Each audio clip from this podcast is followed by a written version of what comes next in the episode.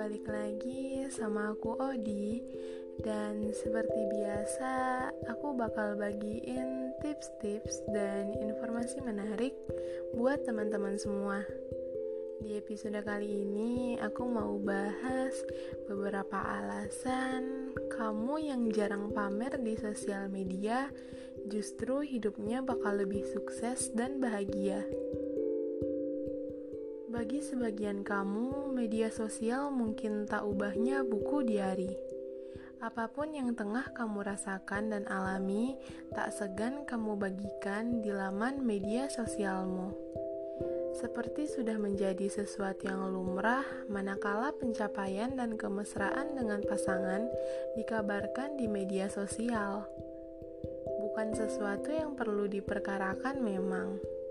Namun, akan berubah menjadi sesuatu yang menyebalkan manakala kamu memposisikan diri kamu sebagai orang lain yang membacanya. Bayangin, ketika kamu membuka lini masamu, tiba-tiba dipenuhi dengan postingan orang lain yang bernada pamer, pencapaian, atau umbar kemesraan dengan pasangannya.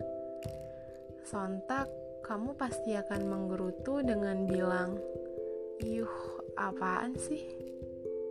Di tengah banyaknya orang yang hobi mengunggah sesuatu bernada pamer yang menyebalkan tersebut, nyatanya masih ada beberapa orang yang memilih untuk mengunggah sesuatu yang bermanfaat di media sosial.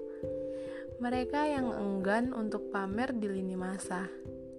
Namun, meski terkesan jarang berbagi pencapaian atau kebersamaan dengan pasangan, bukan berarti mereka nggak punya prestasi atau kebahagiaan yang bisa dibagi. Di balik heningnya lini masa mereka, sebenarnya mereka punya kehidupan yang lebih sukses dan bahagia daripada mereka yang berisik di media sosial. Udah tahu alasannya apa aja? Nah, yuk disimak penjelasan berikut. Yang pertama, jarang mengunggah pencapaian di media sosial bukan berarti mereka pribadi yang tertutup. Justru bagi mereka, pencapaian cukup dirayakan oleh orang-orang yang tersayang. Di tengah banyaknya orang yang narsis, nyatanya masih ada loh segelintir orang yang enggan pamer di lini masa mereka. Bagi mereka, segala pencapaian cukup dibagikan pada orang-orang terdekat. Momen yang membahagiakan pun gak melulu harus diposting di lini masa.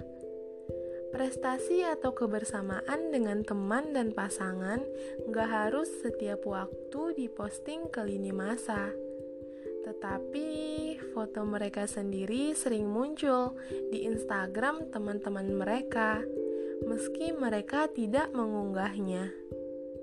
Walau terkesan tertutup, nyatanya di balik itu mereka punya kehidupan yang bahagia dan punya banyak teman. Yang kedua, postingan saat mereka traveling jauh dari kesan pamer, tapi lebih informatif. Bahkan, muka sendiri pun sering kali nggak pernah kelihatan di media sosial. Di zaman yang serba digital ini, banyak orang yang ketagihan untuk unggah apa pun ke media sosial mereka, termasuk kegiatan traveling mereka.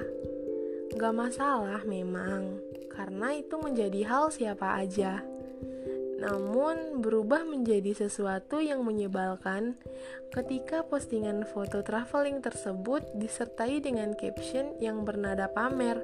Kayak gini contohnya. Ke Bali dulu nih, buang-buang duit gajian.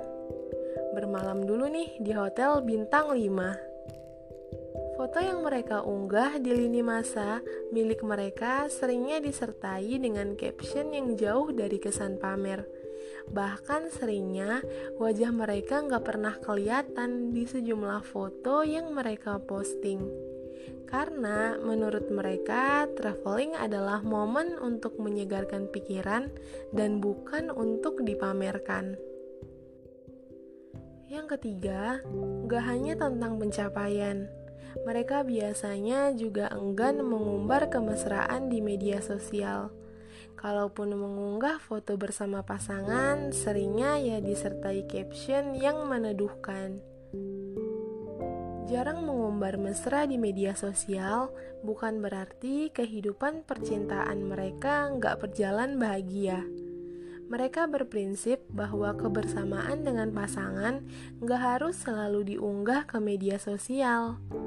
Kalaupun sesekali mengunggah foto bersama pasangan, seringnya disertai dengan caption yang puitis dan bikin baper bacanya.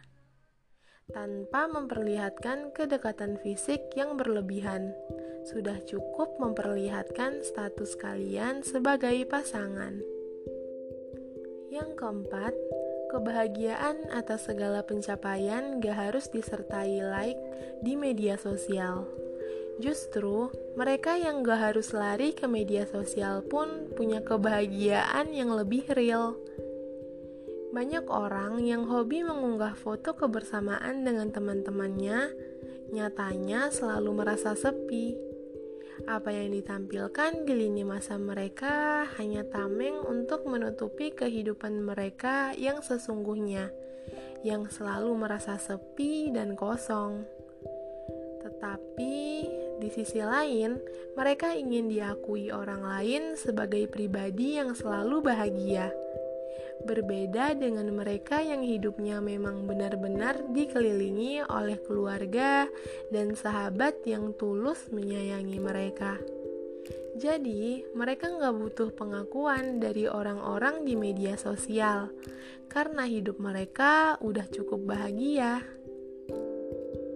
Yang kelima, Ketimbang sibuk membangun citra diri di media sosial, mereka lebih memilih menyibukkan diri untuk mengusahakan mimpi. Pamer di media sosial hanya buang-buang waktu. Kesibukan berkarya membuat mereka nggak punya cukup waktu untuk pamer hal yang nggak penting di media sosial karena sebagian besar waktu mereka digunakan untuk mengusahakan cita-cita yang selama ini mereka harapkan menjadi nyata. Pun jika ada waktu untuk mengunggah sesuatu, sebisa mungkin adalah hal yang mengajak pada kebaikan. Yang terakhir, bagi mereka, media sosial adalah laman untuk menyebar kebaikan dan hal-hal yang bermanfaat. Tak ayal jika laman media sosial mereka lebih banyak diwarnai dengan unggahan bernada positif.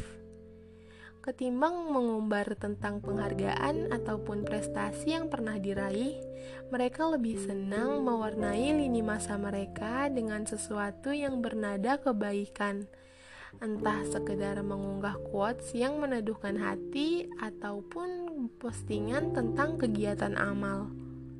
Selain itu, tanpa maksud untuk ria, mereka lebih senang membagi pengalaman mereka berkegiatan sosial dengan tujuan untuk menularkan virus berbuat baik.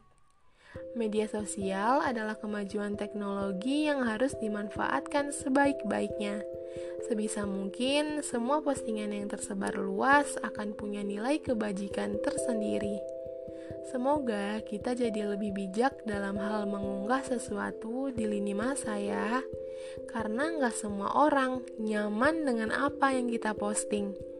Pastikan bahwa tujuan kita mengunggah sesuatu di media sosial bukan untuk pamer, melainkan didasari tujuan untuk mengajak pada kebaikan. Semoga informasi yang aku berikan ini bermanfaat ya. Semangat, sampai jumpa di episode selanjutnya.